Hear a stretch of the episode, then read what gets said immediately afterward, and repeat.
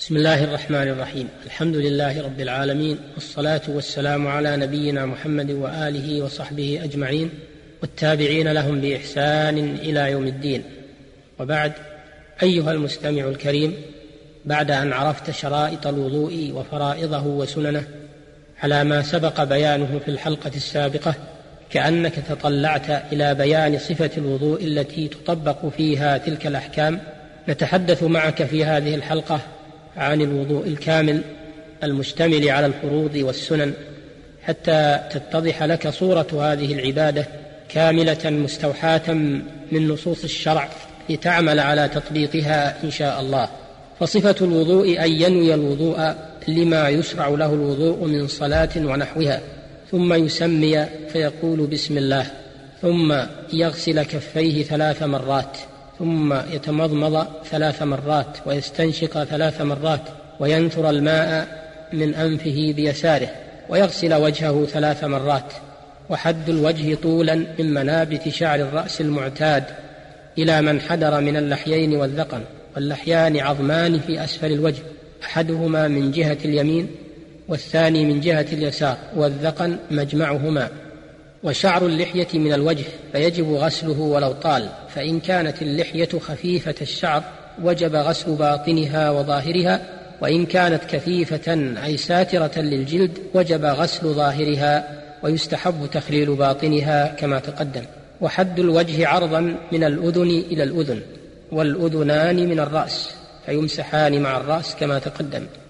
ثم يغسل يديه مع المرفقين ثلاث مرات. وحد اليد هنا من رؤوس الأصابع مع الأظفار إلى أول العضد ولا بد أن يزيل ما علق باليدين قبل الغسل من عجين وطين وصبغ كثيف على الأظفار حتى يتبلغ بماء الوضوء. ثم يمسح كل رأسه وأذنيه مرة واحدة بماء جديد غير البلل الباقي من غسل يديه.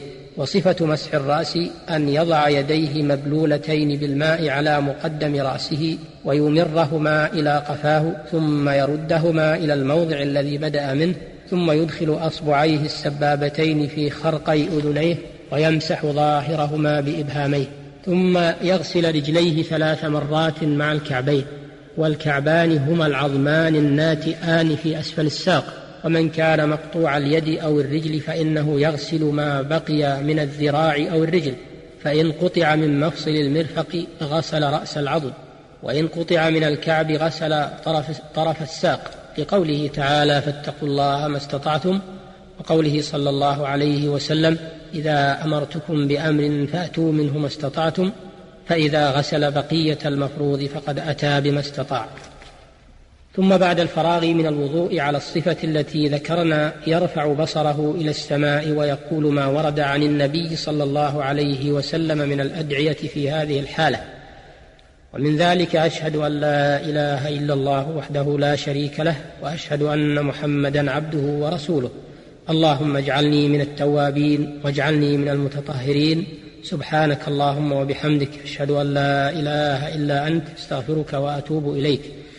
والمناسبة في الإتيان بهذا الذكر والدعاء بعد الوضوء أنه لما كان الوضوء طهارة للظاهر ناسب ذكر طهارة الباطن بالتوحيد والتوبة وهما أعظم المطهرات. فإذا اجتمع له الطهوران طهور الظاهر بالوضوء وطهور الباطن بالتوحيد والتوبة صلح للدخول على الله والوقوف بين يديه ومناجاته. ولا بأس أن ينشف المتوضئ أعضاءه من ماء الوضوء بمسحه بخرقة ونحوها. ثم اعلم أيها المسلم أنه يجب إسباغ الوضوء وهو إتمامه باستكمال الأعضاء وتعميم كل عضو بالماء ولا يترك منه شيئا لم يصبه الماء. فقد رأى النبي صلى الله عليه وسلم رجلا ترك موضع طفر على قدمه فقال له ارجع فأحسن وضوءك. وعن بعض أزواج النبي صلى الله عليه وسلم أنه رأى رجلا يصلي وفي قدمه لمعة قدر الدرهم وفي قدمه لمعة قدر الدرهم لم يصبها الماء فأمره أن يعيد الوضوء والصلاة. وقال صلى الله عليه وسلم ويل للأعقاب من النار وذلك لأنه قد يحصل التساهل في تعاهدهما فلا يصل إليهما الماء وتبقى فيهما بقية لا يعمها الماء فيعذبان بالنار بسبب ذلك. وقال صلى الله عليه وسلم في الحديث الذي رواه أبو داود وغيره إنه لا يتم صلاة أحدكم حتى يسبغ الوضوء كما أمره الله فيغسل وجهه ويديه إلى المرفقين ثم يمسح برأسه ورجليه إلى الكعبين. ثم اعلم أيها المسلم أنه ليس معنى إسباغ الوضوء كثرة صب الماء. بل معناه تعميم العضو بجريان الماء عليه كله. وأما كثرة صب الماء فهذا إسراف منهي عنه بل قد يكثر صب الماء ولا يتطهر الطهارة الواجبة. وإذا حصل إسباغ الوضوء مع تقليل الماء فهذا هو المشروع. فقد ثبت في الصحيحين أنه صلى الله عليه وسلم كان يتوضأ بالمد ويغتسل بالصاع إلى خمسة أمداد ونهى صلى الله عليه وسلم عن الإسراف في الماء. فقد مر صلى الله عليه وسلم بسعد وهو يتوضأ فقال ما هذا السرف؟ فقال أفي الوضوء إسراف؟ قال نعم ولو كنت على نهر جار. رواه أحمد وابن ماجه وله شواهد. والسرف ضد القصد وأخبر صلى الله عليه وسلم أنه يكون في أمته من يتعدى في الطهور. وقال إن للوضوء شيطانا يقال له الولهان فاتقوا وسواس الماء. والمسرف في صب الماء مع أنه يضيع الماء من غير فائدة يقع في مفاسد أخرى.